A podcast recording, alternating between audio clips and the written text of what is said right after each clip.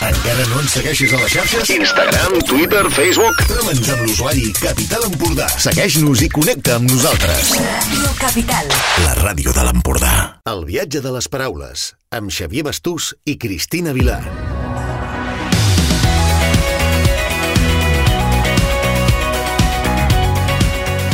Benvinguts i benvingudes al Viatge de les Paraules, el programa de llibres i viatges de Ràdio Capital. Som en Xavier i la Cristina, la llibreria i agència de viatges La Viatgeria, que forma part del primer poble de llibres de Catalunya. Avui seguim amb la nostra programació de Sant Jordi i seguirem parlant de llibres. I ho farem amb uns convidats molt especials. Començarem, com sempre, amb la pila de llibres, però una pila de llibres que no la farem nosaltres, sinó que avui els hem encarregat la feina a, les, a tot de persones que han volgut col·laborar amb nosaltres. No els tindrem a l'estudi, però ens han enviat les seves notes de veu que anirem escoltant.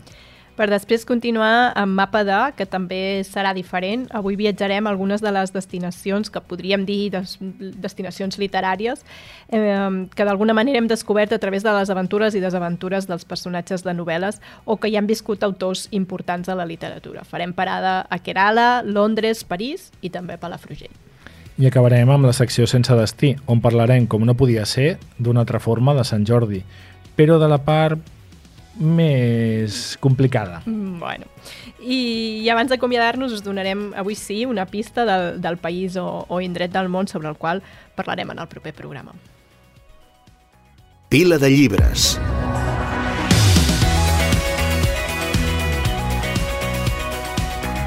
Com ja hem repetit diverses vegades des de que hem arrencat el programa, avui tenim recomanacions de persones força especials, amics i coneguts, als qui els hem preguntat quin llibre t'agradaria que et regalessin per Sant Jordi i per què. Començarem amb dues persones que per ser traductors en saben molt de literatura, que habitualment tradueixen. El primer serà la Carolina Moreno, traductora del suec i també del noruec, al català, i ha traduït autors com Linda Bonstrom Katnausgaard, Per Peterson o el mateix Califàtides. Per tant, una traductora que ens pot descobrir tot un, segut, un seguit d'autors. Hola, sóc la Carolina Moreno Tena, traductora literària del suec i del noruec, i m'agradaria moltíssim que per aquest Sant Jordi em regalessin Antiguitats de la Cíntia Ossic, traduïda per eh, la Dolors Udina i publicada a la Breu. Uh, I per què? Doncs per tres raons. Primera, perquè l'ha traduït la Dolors Udina i sempre és una garantia. Després, perquè m'encanta descobrir autors nous i de la Cíntia Ossic no he llegit res. I després perquè vaig sentir que el Borja Bagunyà la recomanava molt i me'n refio 100% de les recomanacions del Borja Bagunyà. Apa, que passeu un bon Sant Jordi! Doncs si el proposa la Carolina, la Dolors Udina el tradueix i el Borja Bagunyà el recomana, és una bona carta de presentació per aquest llibre. I per cert, no estava preparat, però el Borja Bagunyà el tindrem firmant a la nostra parada el dissabte dia 22. Ara continuem amb el segon traductor, uh, és un home polifacètic, que és en Josep Domènec Ponsati, és escriptor, poeta, també s'ha volgut sumar a la, a la nostra pregunta i ell també és traductor de, del portuguès. Ha traduït diversos autors, entre ells destacar les últimes traduccions de la Clarice Lispector, amb Club Editor, i també és llibreter. Per tant, escoltem quina és la seva proposta per Sant Jordi. Malauradament, no és gaire comú, per no dir gens comú, recomanar un llibre de poesia per Sant Jordi. Bé, la veritat és que ni per Sant Jordi ni per Sant Mai. Per tant, deixeu-me dir que aquesta meva recomanació té un valor afegit. El llibre es titula Som aquí. L'ha escrit una jove ibicenca, nascuda el 1993, que es diu Jèssica Ferrer Escandell. Ha guanyat el setè premi Francesc Garriga i l'ha publicat al maridatge, per dir-ho d'alguna manera, de quatre editorials. Adi Edicions, Cafè Central, Edicions del Buc i la Breu Edicions. En voleu una mostra gratis? Doncs vinga. Benirràs. Llauràreu camps de conreu, els piconàreu i en diguéreu progrés. Mirau aquest estiu. Les feixes més fèrtils són aparcaments. Doncs, com sempre, en Josep, una mica provocador. Mm, poesia per Sant Jordi no és el, el que esperàvem. I, com sempre està a la contra, ens proposa poesia, però a la vegada és una persona humil, ja que ell no ha parlat del seu nou llibre de, de poemes, el coeficient de la flotabilitat, editat per llibres del segle, i que ha sigut guanyador del Premi Cadaqués a Rosa Leveroni. I com a curiositat, sobretot per aquells que vivim a Calonja, té un llibre publicat de poemes amb el títol Càcul i que fa referència a un curiós carrer de la nostra població. Ara és el torn d'una autora que ha publicat Soc feminista i no ho sabia. Ha escrit el pròleg de, de Quan cridem els, els nostres noms, eh, de l'Alba Alba Geme, i ha també ha escrit el pròleg i, i l'epíleg de Somiant la Pau de la Nàdia Gulam. Tot i que la seva veu sonarà més per la seva tasca com a periodista presentant i dirigint el programa Els Matins de TV3. Sentim quin llibre vol que li regalin per Sant Jordi. Doncs jo vaig una mica tard amb un llibre que m'agradaria molt que em regalessin per Sant Jordi. Està escrit per un, per un periodista, uh, per Patrick Radenkief i el llibre és No diguis res. És una història d'una dona situada a, a la Irlanda del Nord dels anys d'ús de, de l'ira, els anomenats els Troubles d'Irlanda, és una història real de violència i de memòria d'aquell conflicte, tot just ara que fa 25 anys que es van signar els acords de, de divendres sant. I la veritat, fa molt de temps que el tinc pendent. He llegit algun, algun altre llibre sobre el conflicte recentment i és un dels que, dels que em falta i m'agradaria molt que fos el llibre que em regalessin per Sant Jordi o un dels llibres que em regalessin per aquest Sant Jordi.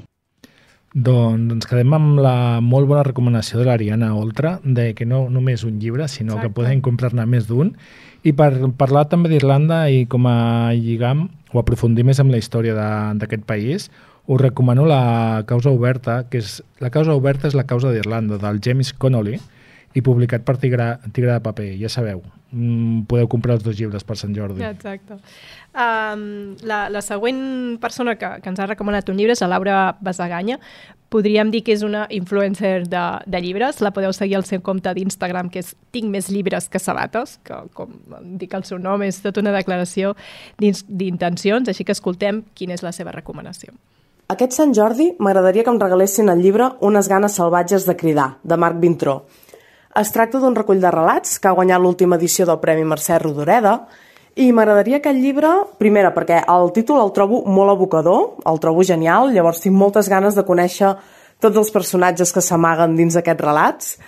Uh, també perquè els reculls de relats és un gènere que m'agrada molt, que a vegades penso que no està tan ben valorat com seria la novel·la i m'agrada molt reivindicar-lo. També perquè els altres reculls que he llegit, guanyadors del Premi Mercè Rodoreda, m'han agradat molt i m'han permès descobrir grans veus de la nostra narrativa actual, com són la Carlota Gurt, la Clara Caraltó, l'Alba de Deu, dones que, que he anat seguint i que, i que admiro moltíssim. I per últim, doncs, perquè ja que Sant Jordi és una festa tan nostrada, doncs m'agrada molt reivindicar autors de casa nostra. Molt bon Sant Jordi a totes i a tots i que us regalin molts i molt bons llibres. Doncs la proposta de Laura és un títol abocador, un títol que ens convida a trencar coses, a, a cridar. Bé, bé, aprofitem per dir que la, la segueixin també a xarxes socials, que fan molt bones recomanacions. Sí, només pel títol que té al seu Instagram ja, ja Segur val la que pena. hi ha molta gent que té més llibres que sabates. Uh, mira, ja que parlava ella del gènere del relat curt, parlarem ara de dos mestres d'aquest format, que són en Quim Monzó i en Sergi Pàmies. Escoltem què ens explica el nostre company a Ràdio Capital, Marc Clapés. Hola, què tal, companys? Jo sóc el Marc Clapés, el coordinador musical de Ràdio Capital, i el llibre que vull que em regalin per Sant Jordi és el de Quim Monzó i Sergi Pàmies, que es diu Si la memòria no ens falla, que s'ajunten, fan com un diàleg sobre el passat i el present del periodisme, de la literatura, i ho fan amb una entrevista conjunta que fa Julià Guillemont. Eh?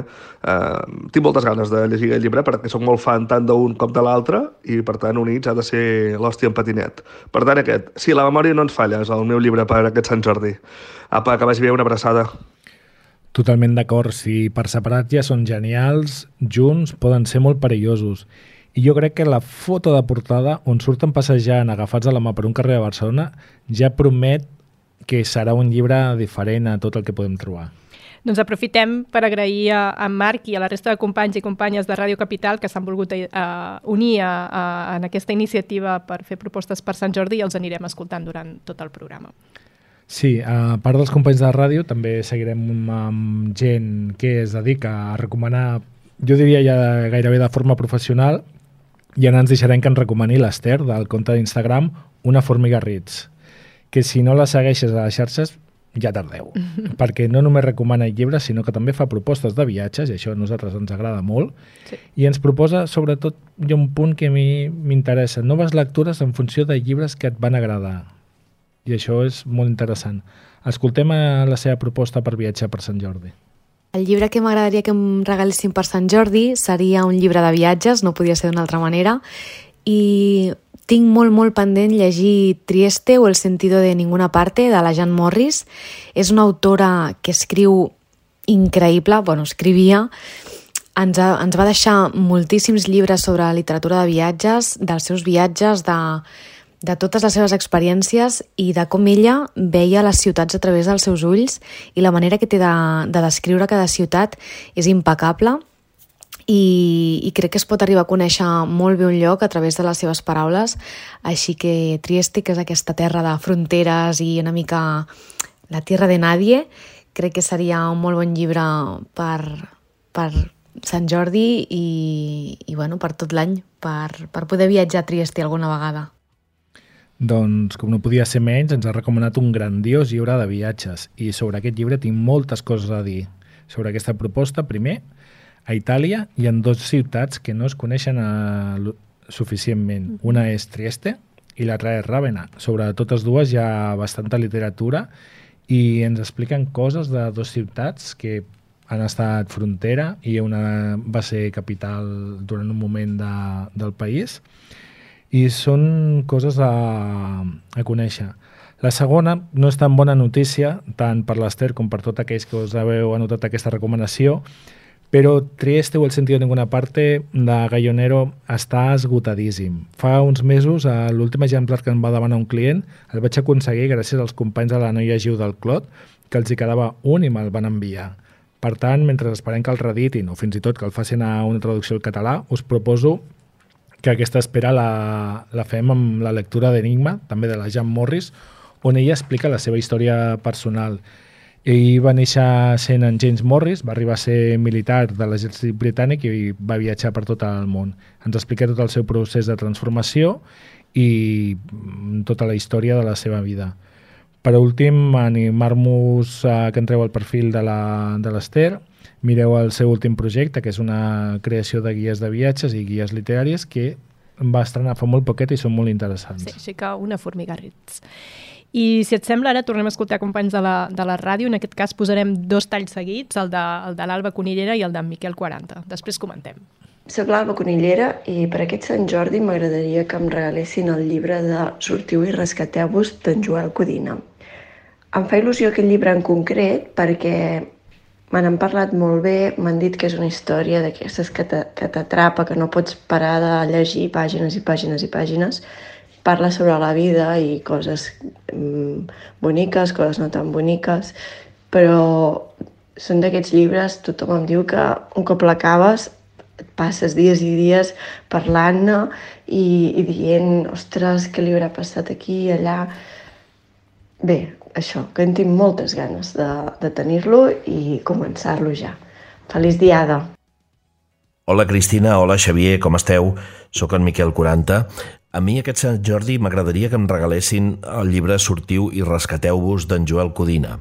És el primer llibre d'una persona que no, que no es dedica a escriure, però que, que ha fet un relat de les seves pròpies vivències des que era, des que era nen, marcades per familiars amb caràcter molt fort, eh, fins i tot una infància una mica traumàtica també, amb algun, amb algun abús, i, i afronta, afronta una, aquesta situació complicada, l'afronta des del positivisme i des d'una mirada, doncs això, molt fresca i molt allunyada de, del relat dramàtic i vaja, em faria il·lusió que em regalessin aquest llibre que es diu Sortiu i rescateu-vos d'en Joel Codina.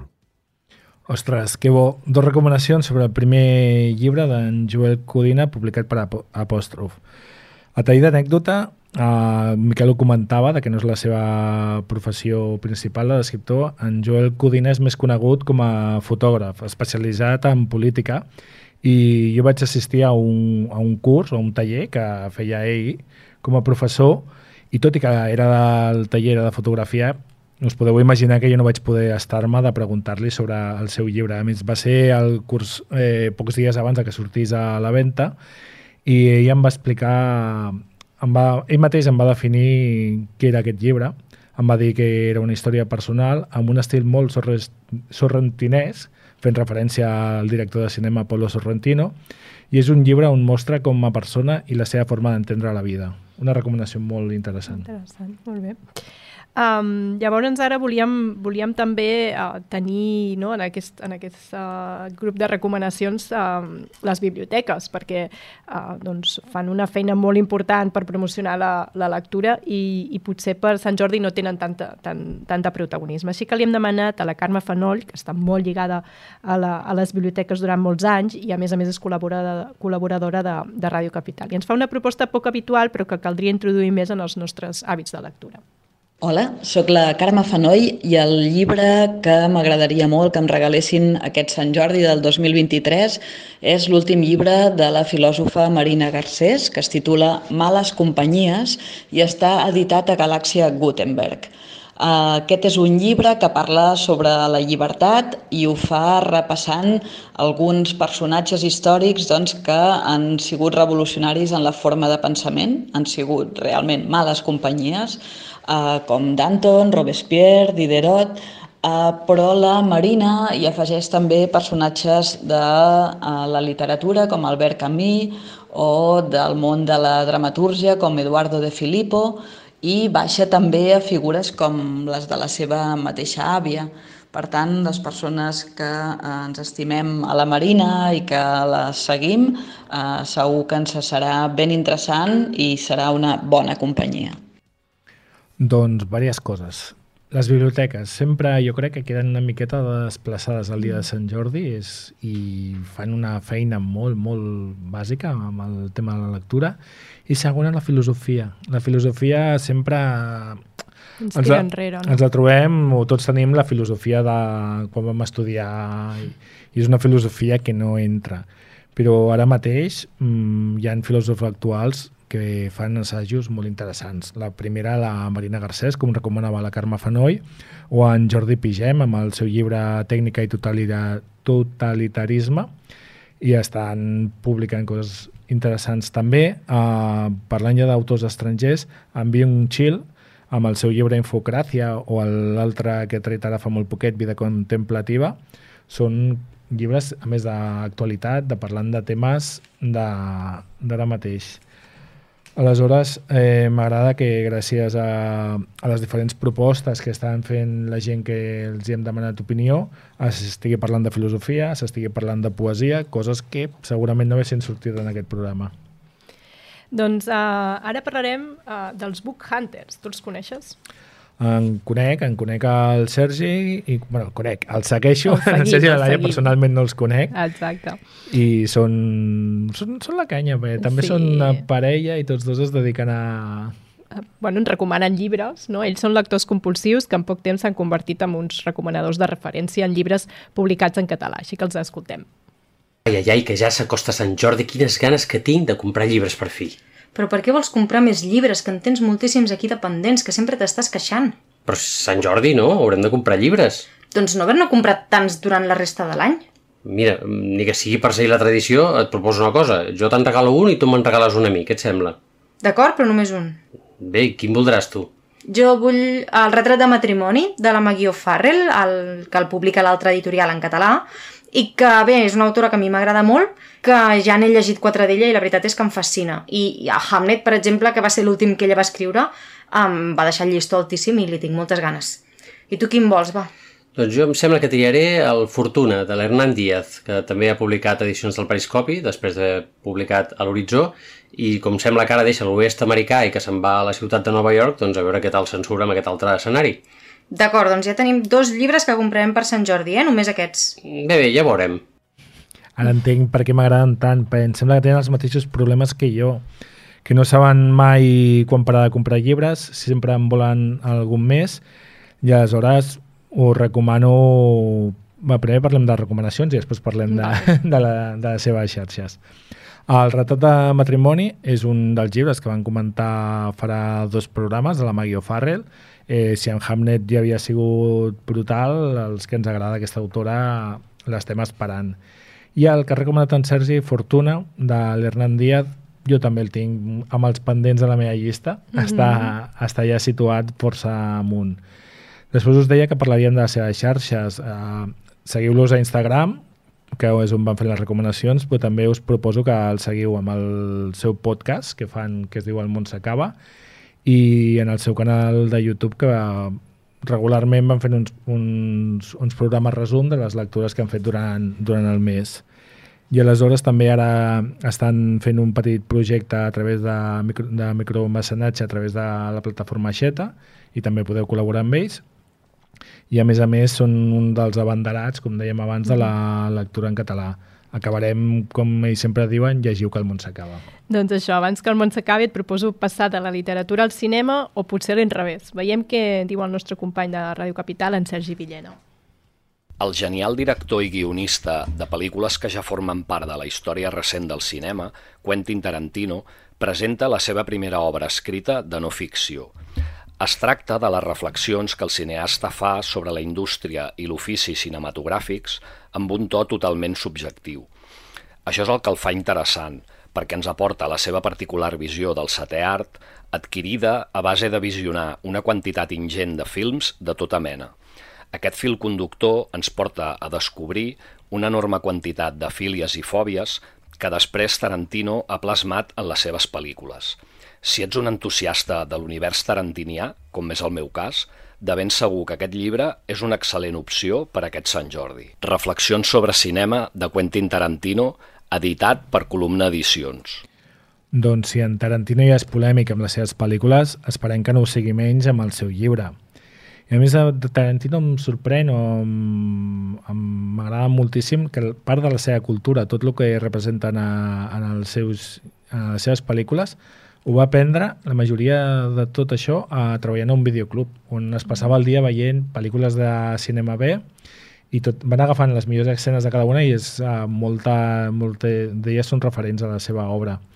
Si volem parlar una miqueta també del món audiovisual, si més proper a Catalunya, eh, anem a fer una recomanació d'un altre mediàtic, que seria en Jair Domínguez amb el seu llibre Alegro con Fuoco, que és a través d'una ficció ens dona la seva visió irreverent del món audiovisual. Doncs, bueno, en temps cap aquí les, les xarxes s'han omplert de, de recomanadors de llibres, no? I, i una manera també és, és important per arribar als més joves. La Laia Santís, de Vida entre llibres, és professora i prescriptora de llibres. La podeu seguir a les xarxes perquè fa molt bones recomanacions i cal dir que alguna descoberta hem fet especialment en literatura juvenil des de que la seguim. Veiem què ens proposa. Aquest Sant Jordi m'agradaria molt que em regalessin el nou llibre de Txell Feixes, que s'anomena Aliades, està editat per Ara llibres i m'agradaria molt eh, que fos aquest el que em regalessin perquè Txell Feixes ja em va atrapar moltíssim i em va captivar moltíssim amb el seu llibre Dones Valentes, que ha sigut tot un èxit i ha tingut moltes diferents edicions i um, per què? Doncs perquè la Txell explica amb molta rigorositat i amb molta professionalitat totes aquelles històries que viu quan viatja, quan fa de reportera um, en els altres països i no tinc cap dubte que aquest llibre d'Aliades serà una meravella com ho va ser Dones Valentes. En aquest cas uh, parla d'una vivència concreta, d'una família concreta, però fa la pinta que serà tan colpidor com Dones Valentes també va ser-ho. Novament compartim opinió amb la Laia. Uh, Dones Valentes va visibilitzar la situació de les dones a l'Orient Mitjà i jo crec que aquest nou llibre, Aliades, eh, continua amb aquesta línia de presentar les dones de l'Orient Mitjà i aquí introdueix un nou element o què significa l'esport, en, concret el bàsquet, veurem quin paper presenta. Molt bé, bueno, jo crec que ja comencem a tenir forces recomanacions. Ens en queden tres, que hem deixat pel final. No sé si és casualitat o no, però segurament són els tres llibres que més ens agraden de, tot, de totes les recomanacions que ens han fet. És totalment casualment. Casualment, sí, I sí. també sí. hem de dir dels que hem llegit de tota aquesta llista, ah, que no els hem llegit tots. Ah, exacte. Llavors anem pel primer, que és la recomanació d'en Marc Vilà, company de Ràdio Capital. Doncs jo em permeto canviar el subjecte de la pregunta i us diré quin és el llibre que us han de regalar per Sant Jordi o us heu d'autoregalar. Jo l'estic llegint i em té ben enganxat. He conegut a l'Ada Castells amb aquest llibre, Solastàlgia, un llibre dels molts que van sortir arran de les reflexions postpandèmia, però un llibre brillant al meu entendre. La periodista catalana, amb la seva fluidesa narrativa, ens regala contínuament lectura amb descripcions acurades i demostra una gran habilitat en l'ús del llenguatge. Lectura entretinguda on l'autora presenta una protagonista que busca refugi i connexió amb la vida real, tot buscant un nou camí per a la seva vida personal. I tot enfocat en el nostre territori empordanès. I és això que també n'és el motiu per què m'agradi tant aquest llibre. Doncs, novament, estem molt d'acord amb, amb en Marc. Eh, ja el vam recomanar també, ara és això, ja lo dije, Exacte. de, fa dues setmanes i mm, totalment d'acord. Parla de l'Empordà, fa unes reflexions molt potents, l'autora, la de Castells, és brutal, ho recomano al seu llibre anterior a Mare, i res més a afegir. No, no. La penúltima recomanació és de la Paula Brines i ens proposa un dels èxits d'aquest any. El llibre que m'agradaria que em regalessin aquest Sant Jordi 2023 és La trena, de l'autora Laetitia Colombani. És una narració que explica tres històries de tres dones diferents que han nascut en continents diferents, a l'Índia, l'Itàlia i, la Can i el Canadà a la part del Quebec. Totes tres comparteixen unes idees i uns sentiments que les uneixen, amb un poderós anel de llibertat. Per tant, m'agradaria poder observar doncs, aquesta sororitat que entrellaça les tres, tot i ser de, doncs, de diferents parts d'arreu de, del món. Doncs està sentint a la Paula i Cristina, crec que ens hem equivocat i molt.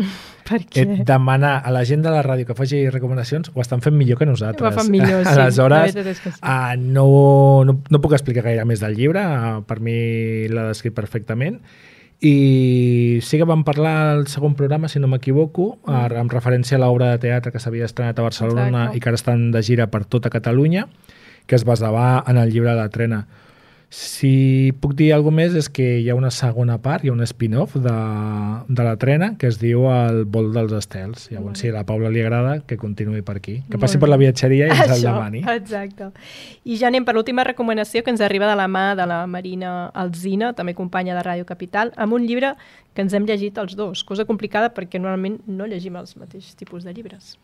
Hola nois, jo sóc la Maria i per Sant Jordi m'encantaria llegir el llibre de Demà i Demà i Demà de Gabriel Zevin perquè em sembla molt interessant, molt intrigant i de debò que l'edició que n'ha fet Periscopi um, em sembla una passada i aquest llibre em causa uh, molta curiositat i seria el que m'agradaria llegir aquest Sant Jordi.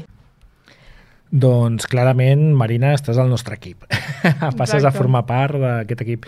Imagina't el que m'ha agradat aquest llibre a mi, que quan veig algú a la llibreria que s'està plantejant comprar-lo, a mi em fa enveja. Em fa enveja perquè, Perquè- o sigui, ha encara de passar aquesta primera vegada de, de llegir el llibre. És aquella ràbia de, ostres, que jo ja, jo, Ja jo l'he està, no? gaudit. Exacte. Llavors el recomano moltíssim. Bueno, només dir una cosa, que és la Maria Alzina, que ens hem... Hem dit- Eh, Sí, sí. Ah, he sentit i m'ha semblat. Sí, sí, sí, sí. Ens hem, hem escrit Marina, però és la Maria. Perdona, Perdó, Maria, si Maria. ens estàs escoltant.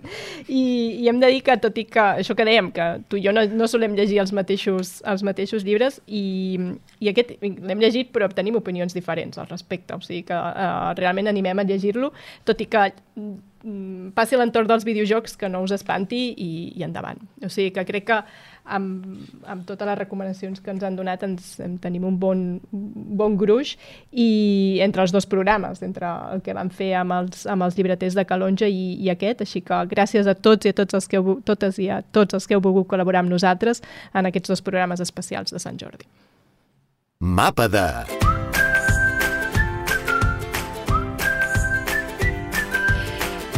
La literatura té, té la màgia de fer-nos viatjar mentre llegim un llibre, ja pot ser asseguts al sofà de casa, a una terrassa o a la platja, però la màgia també sorgeix quan tenim l'oportunitat de visitar la ciutat, el poble, la casa, un lloc concret per on transcorren les, les novel·les. Podem situar-nos allà, tancar els ulls i recordar una escena d'un llibre que, que hem llegit i que, i que ens ha agradat. Podríem dir que són els anomenats destins literaris que, que d'alguna manera també ens, a, ens ajuden doncs, a, fer, a, fer, a utilitzar la, la nostra imaginació.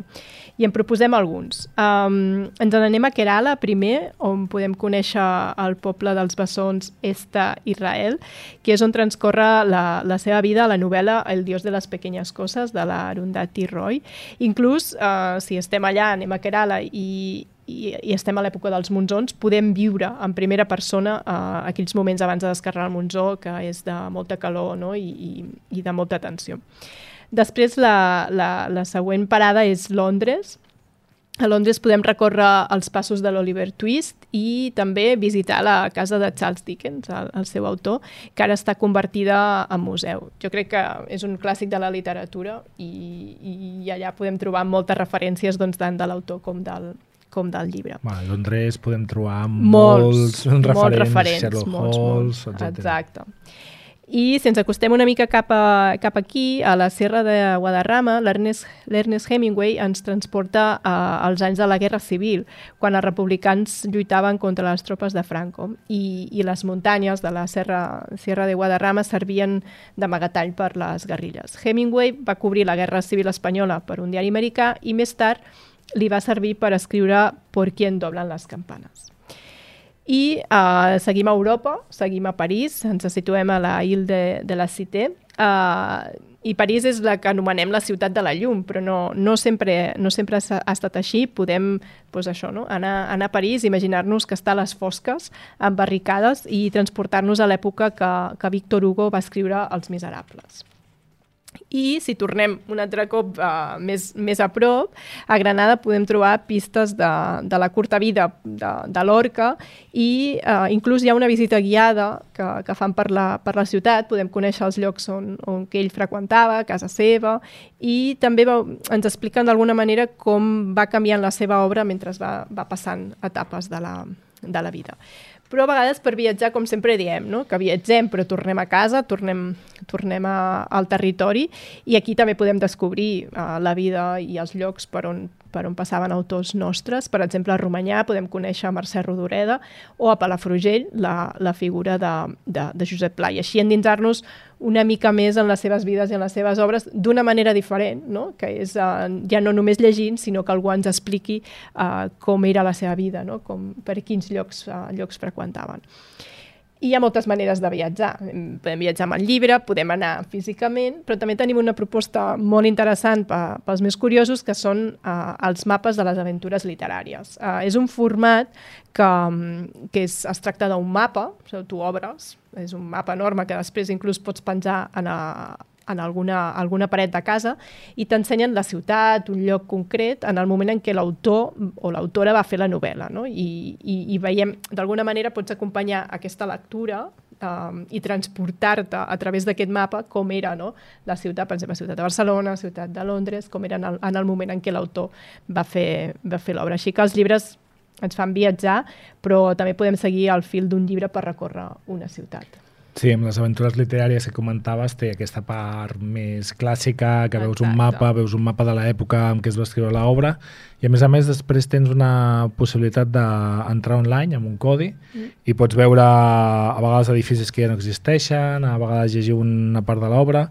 És, és una proposta curiosa i tot el conjunt de viatges literaris, jo crec que... També dona molt de que T'he comentat alguna vegada que potser seria un potencial nova línia de negoci Totalment. a l'agència. Totalment, totalment, allà estarem. Sense destí. Doncs a l'anterior programa vam parlar de l'origen de la festa del 23 d'abril, la celebració de Sant Jordi, el regalar roses i finalment incloure els llibres que, com vam veure, no va iniciar-se aquesta tradició fins al 1926. I ens va quedar pendent parlar dels descomptes especials que es fan pel dia de Sant Jordi. Acabem aquests dos especials de Sant Jordi parlant d'un dels temes potser més polèmics. Us explicarem la història, d'on ve i quina és la posició que estan adoptant ara molts llibreters i vosaltres ja després opinareu. Uh, doncs originalment les parades de llibres eren per treure les editorials a les restes de sèrie i d'estocs que tenien de llibres de l'any anterior. I aquests llibres, efectivament, són els que anaven amb descompte. I a la vegada també servia per presentar les novetats als llançaments de, que es feien al mes d'abril. Aquestes novetats, el que sí no hi havia descompte, però el que sí que s'acompanyava era, pues, amb, estava l'autor eh, llegint en veu alta la seva obra, recitant, firmant llibres, Eh, bàsicament, el que ara podem trobar en moltes llibreries qualsevol dia de la setmana a, arran de Catalunya. Però Sant Jordi més, poder, no? Trobem aquesta... Sí, Sant Jordi és el dia ja màxim. Bueno, Sant Jordi és el dia que, que no? només l'autor estan allà firmant com a, Sí. com a màquines de, de, de firmar llibres. Exacte. Eh, però jo crec que després, durant tot l'any, sí que hi ha aquestes activitats que es concentraven en un dia. A- Ara, qualsevol dia, qualsevol llibreria té una agenda de presentacions, de maridant música amb, amb un poesia... Mm. Es fan una sèrie d'activitats que com, de, de nivell ja cultural, eh, conta contes, llavors totes les llibreries avui en dia aporten tot això durant, Durant tot l'any, durant sí, sí, tot l'any. programació. Mm. Aleshores, què va passar? Que aquell dia es feia descompte sobre el que ara coneixem com a més llibres de fons, a restes de- d'estoc, i les novetats no se'n feia. Però a poc a poc les grans editorials aquell dia volien ser el llibre més venut, volien que el, el seu autor és el que tingués més ventes i les grans editorials, a poc a poc, van anar afegint el descompte tant a uns llibres com als altres. Què va passar? On, on ens vam arribar a trobar? Que tots els llibres, tant novetats com no novetats, anaven amb descompte. No hi havia aquest plus d'estar l'autor llegint en veu alta, eh, es, es, hi ha una conversa sobre el llibre, i es va, es, es va arribar en aquest punt. Ara que ens estem trobant que hi ha llibreries que no fan el descompte. Ara amb la llei del preu fix, que regula el mercat del llibre, en els últims anys surt aquesta corrent amb que ja consideren que no s'aplica el descompte, que ja s'ofereix un valor al producte i consideren que el, que el descompte només incentiva la venda puntual eh, aquell dia i aleshores no, no aporta el suficient. No és un valor, tampoc Sí. per aportar el client, no? De... No. A més a més, per exemple, a finals del mes de març, la llibreria Sendac a Barcelona va fer un post d'Instagram on explicava perfectament aquesta posició de no aplicar el descompte perquè ells afegien un valor a, en, el, en el producte. Mhm. Aleshores, bàsicament, jo no conec cap sector que facin descompte el dia que més vendes tindrà. Per exemple, les rebaixes s'han fet sempre després de Nadal. És més, després de la liberació de l'inici de, de la data de la campanya de rebaixes, no s'ha detectat una baixada significativa de preus. O sigui, igualment, encara que hi hagi una llibertat a l'hora de posar les rebaixes, la gent se segueix esperant a passades les... I és el que tu deies, no? Al final les rebaixes és de roba que és de temporades anteriors, no? Tu el que volen fer és treure l'anterior, no fan descompte sobre la, Correcte. la temporada nova. A mi el, la idea aquesta de fer un descompte sobre a un producte que ja porta un Mhm. temps al mercat, que és un Exacte. llibre que està de fons i el vols reactivar, doncs benvingut sigui, no? O sigui, el dia de Sant Jordi que es pugui uh, promocionar aquests llibres i afegir-li un descompte. Però en el fons no volem que vingui una persona per... Només pel un, descompte. sí, aquest 10% de descompte que pot ser un euro, un euro i mig en la majoria dels casos, Mhm. o a l'inrevés. Molts casos ens trobem en situacions de que tenim clients que de forma recurrent compren molts llibres i durant tot l'any, que això és el que ens encanta als llibreters. Però no li pots fer un descompte especial més enllà d'un 5 durant tot l'any, només ho pots fer el dia de campanya. I aleshores és aquesta, aquesta dualitat, aquesta injustícia en algun moment que no... Que potser cal replantejar, no? Sí, s'hauria de replantejar, aquesta política de descompte, buscar altres motius per incentivar, buscar que el dia de Sant Jordi no es concentrés tot en un dia. Uh, en si, fent una reflexió molt Sí, sí, sí, superficial, sí. Mhm. s'hauria de, de revisar. És una festa magnífica, ens encanta a tots, però sí que hem de veure altres possibilitats i altres formes de treballar-la. Fantàstic, fantàstic.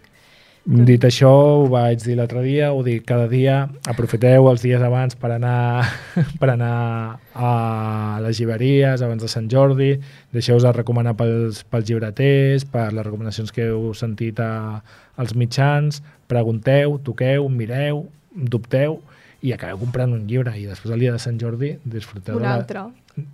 Disfruteu de la festa i després ja, ja ens encarregarem de que surti un segon llibre.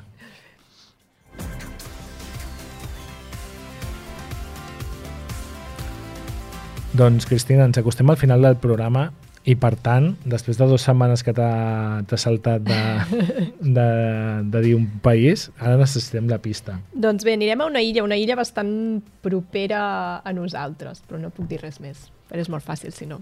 Mayo... No. No, no tan a prop, no tan a prop. Una miqueta més lluny, d'acord. Amb aquesta pista acabem el viatge de les paraules d'avui. Recordar-vos que sempre que pugueu compreu els llibres a les vostres llibreries de proximitat. Moltes gràcies per acompanyar-nos. Esperem que us hagi servit d'inspiració. Gràcies a l'equip de Ràdio Capital i també a totes les persones que s'han sumat avui a, a fer recomanacions. Podeu escoltar els podcasts dels programes a la web de Ràdio Capital i ens podeu trobar a les xarxes socials com, a la, com la viatgeria, venir-nos a visitar Calonja, al carrer de la Rutlla número 12, on us podem recomanar llibres i destins per viatjar. Moltes gràcies i fins al proper programa.